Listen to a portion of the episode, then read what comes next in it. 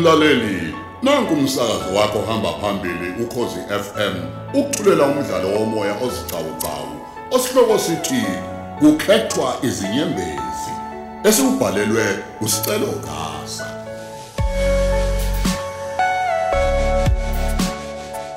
Thamela eseshumnane.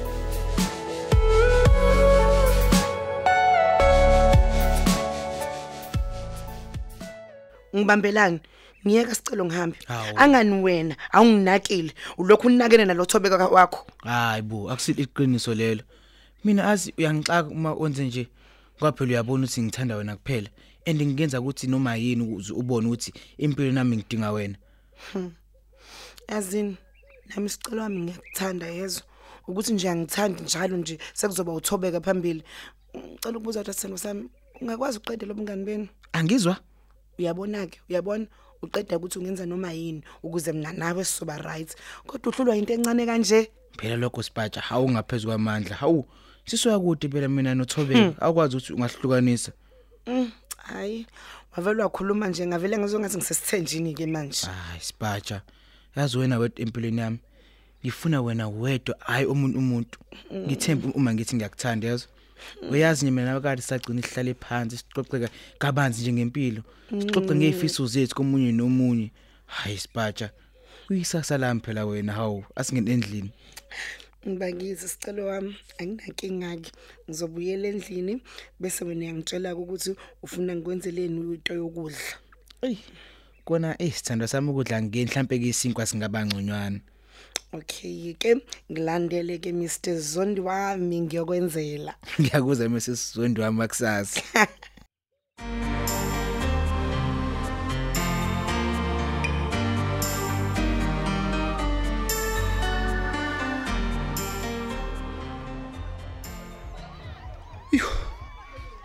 Cha ngeke. Ngivele ngabona kahle ukuthi uma ngiqhubeka nokuba sendlini lokho kungusipatsha. Bekuzogcina kuphahluka ukukhuluma okungafanele ukukhuluma. Yuh, yathi nengqondo ukuphola uma sengilana endaweni yokucima ukoma kwamayithanqasi. Uh, ubanda kamnandi nalobhiya wami. Awuthi ngithenga abanye ababili bokugcina. Bese ngibuyele endlini. Hey viwe. Hey mfanasi. Ngilethele abanye ubhiya ababili lapha manje. Shesha. Hayibo. Namhlanje ngishaya ucingo umuntu omkhulu kangaka. Gibson Bambo. Kanti ungakhathazeki babzondi. Ngishaya nje ukuzwa ukuthi kodwa niqhuba kanjani empilweni. Ey Gibson mfowethu, ngizothi akukuhle neze. Amasento okufihla umama kaSicela wahlangana neze neze mfowethu. Hawu kanjani manje ngoba isicelo ikhona imali engimfakele yona. Hayi bo. Ukuze akwazi ukubhekelela zonke inhlelo zomncwabo. Ngiyifake kuseni namhlanje ngize ngamtshela ukuthi mayishoda abongithinta. Ini? Uyazi uSicela kaza ayikhulumeke kumina leyo nto. Hayi awuthi ukukhuluma naye. Kusuka kumina nje enhlizweni yami ukuthi ngisize. Ah, mfowethu. Futhi ngibe sengimnyusela esikhundleni esiholela kangcono emsebenzini. Ha ha, uGibson mfowethu. I- Indaba ejibulisayo phela lezo mfowethu. Yinhle ngendlela isimanga into yenzela umfana wami uSicela. Hayi kodwa kubuka sengathi yena hayi akwehli kahle ukuthi ngimnyusele esikhundleni esingcono kakhulu. Hawu ukushiswa yini lokho Gibson? Ah ngisho ngoba akasithokozelanga lesikhundla. Ugcine sinqabile ethi kubukeka sengathi kuzoba umsebenzi ongelula, umsebenzi onzima. Hayibo. Kanti akazi ukuthi umsebenzi ubalula uma sowujwayele. Hawu uyahlanya ni lo mfana Gibson. Uyazi ngalo uhamba uliqede likaMthani. Awusoze wathola umsebenzi olula njengalo wakho. Uyazi ngize ngamfakela yona imali yokufihla umama wakhe nje. Ngoba ngithi ngizama kona njalo ukuthi ngimsize. Abone ukuthi akukho nje angakuswela uma esekulesi sikhundla engimfaka kusona. Hawu cha mfowethu, ngizoke ngikhulume naye lo mfana. Ungayeka isikhundla esiphezulu kangaka? Hayi, Ufuna neneziphansi kanje? Hawu kwanti uyahlanya ni usicelo madoda. kanqaka. Kulungile Gibson, ngizokhuluma naye mfowethu. ngoba ngempela nami bese ngibona ukuthi ngoba naka kavumi kwale mali ye-150000 ebengimfakele yona Hayi bo. bengibona kuhle nje kubuyele ngakumina Hayi, ukwahle kahle kahle Gibson. Uthi malini? u-150000 150,000. Hayi kwahle kwahle Gibson. A- Asikho idingo sokule mali ibuyele emuva mfowethu. Ngizokhuluma naye mina usicelo. Ngizomenza avume. Uzovuma konke okushoyo mfowethu, khulileka.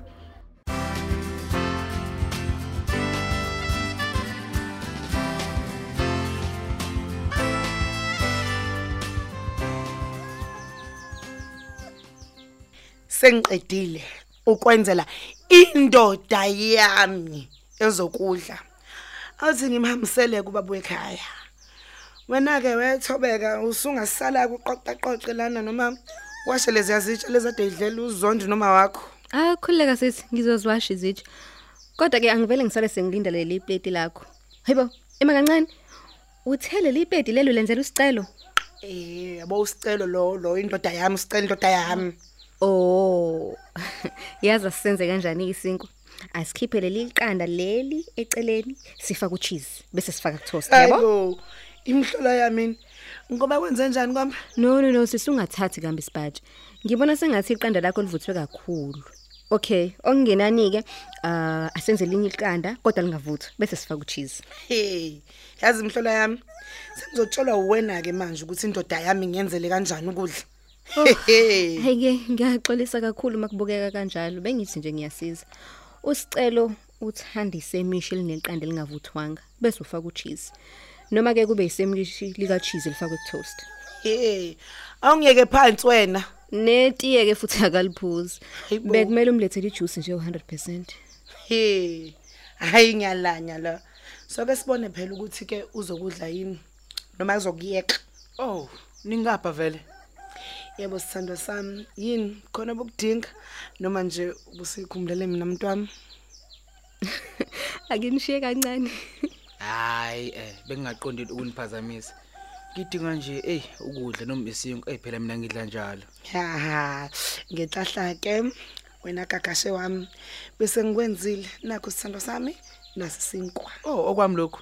yebo Ew, baby Kwakuhle kodwa ayi ngicela ungenzele lethu kuba kuhlaza kancane iqanda. Bese ungithi nje fa ngocheese sithando sami. Ungibese uma usuqedile yazo.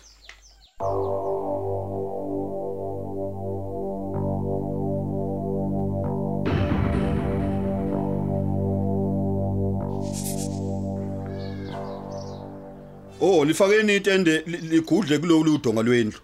Ehhe, bese lithi ke ukwehla kancane lapha yangezansi. Ukuze kuzisala indawo phela ukuthi likwazi ukudlula lapha eh, eh, ngenhla. Hawu, baba. Kanti ungapha bengibheka wena. Aw, ngikhona lemnyango sicelo. Ngi- Ngizama ukuchazela abantu betende laba bakwasithola ukuthi kufanele balifake kanjani itende. Oh, hayi. Baba ngiyabona zona izinhlelo zokufihla kwamama uthi hayi ziyaqhubeka. Kodwa imali hayi ayihlangene kahle. Hayibo. Ingakho ke baba benginomcango ukuthi kunganjani mhlambe sifethane silahlele kumfundisi sicela nje ukuxhaswa ku- u- uyena. Hayi bo sicelo. Sichaswe.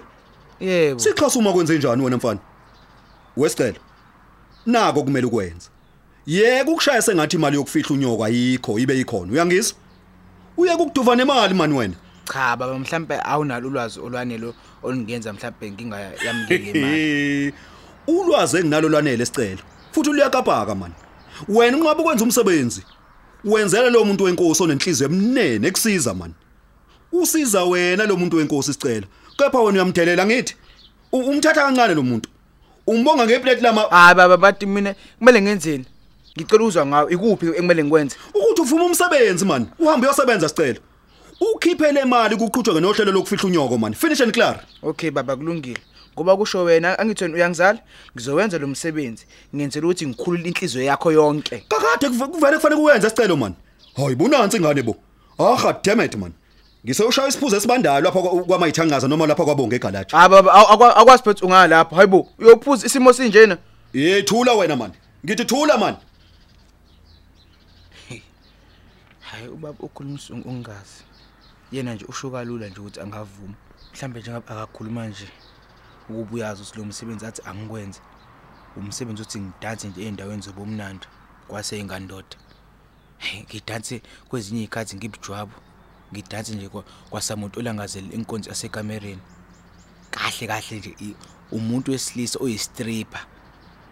Hey ngizokwenza njani ke ngoba phela ngizowenza kuba ngiyimisele nje ukubhekana nolaka li- lika baba. Kulungileke ngizoba um- umqwezo umuntu wesilisa enkampanini kaGibson njengesifiso sika baba ongizalayo.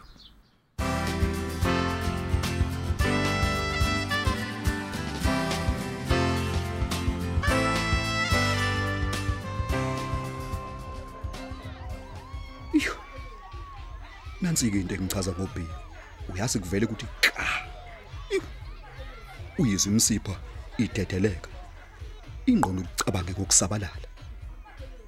hey kwagcwala kangaka khona namhlanje kwamayithanqazi oh konje lwehlani ingqondo yami phela inokudideka kukhulu kulezi insuku uyazi njengoba sekulungiswa nasetendeni nje manje inhliziyo yami ngathi seyizwela kakhulu kunakuqala ubani lo engathi uzondi? Ay, ay, ay, kahle wena sibatsha wangilandela manje ufuna ngilanda hey ngilandela wena ni? ngoba wenze nje kangaka. Kusethaveni la ngize khona ke nami. Hey wena uzokwenzana endaweni yotshwala ubukhulelo uzolokotha kuphuza utshwala ukhulela ingane yami esezwana awukahle wezondi. Akubona bodwa nje utshwala ubudayisa la. Ukhona ne drink awumele nje kancane khehle hayi uyeyisa ke njalo wena. Wezondi ingane yakho ithandiswa airtime namadata Mami, shame. awuthi 60 rand lapha I- imali engaka? Ikhona kodwa ingane yake yathandisa etime sibatsha ilena yakho ke le engiyithole la Ayi, ayi, yaqala ayi, futhi ngayo. Futhi ke nje ngidinga nemali yokuthi ngiyibheke nami. Hayi hayi sibatsha imali ayikho. Hayi kahle ke kahle kancane. Yazini ngizizwa sengithandiswa le yandoda yabo? Le yayehleli lapha. Hayi, uSibatsha. yabo nathi kumamatheke ngibuka naye ngiphamisela isandla. Hayi, hayi Sibatsha. bo baby lo yaphela. Sibatsha u- uthandiswa amadoda manje? Hayi hayi usuqala ukusangana ke manje. Uyazi usuqala ukuhlupha? Oh sengiyahlupha manje. Mhla sikhanda lengane ngikubusisa ngikunika wawungasho ukuthi ngiyahlupha ngani? U- ksh, umsindo man abantu bazoze basole kulungile ke woza si- sijikele ngale ngikunike leyo mali oyifunayo. Sihlukane man hayi indaba yokuthandiswa amadoda lana. Man usungamani uthandiswa yona leyo airtime nedatha yakho lokhuluma ngayo.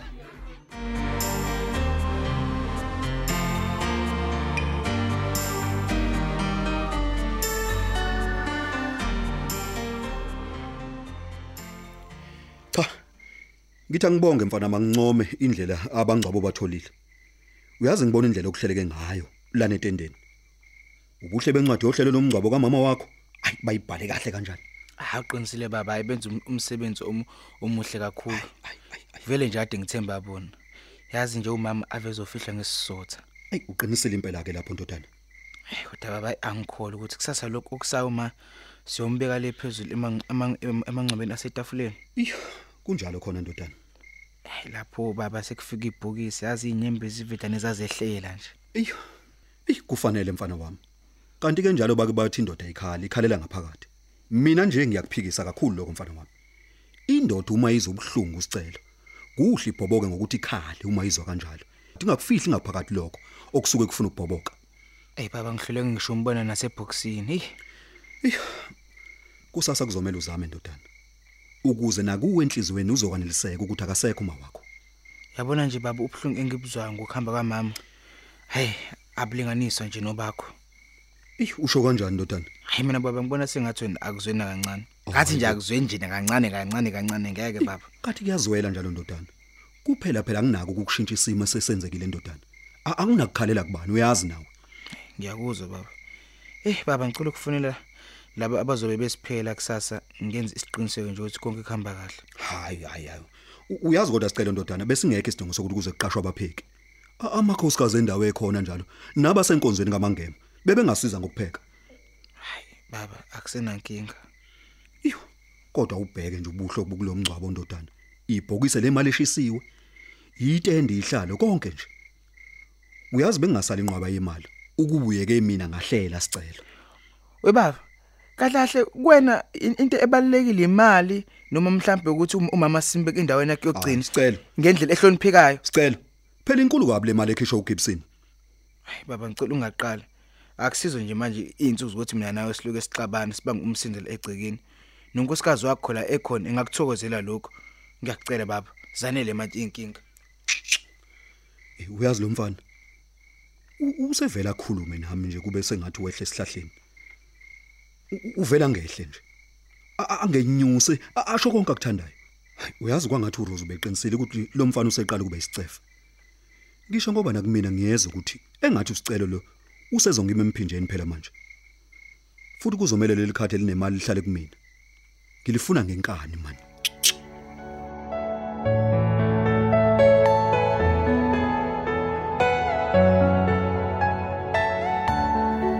Asisibambe lapha isiqephu sethu sanamhlanje esithi kukhethwa izinyembezi. Osithulelwa ukhozi FM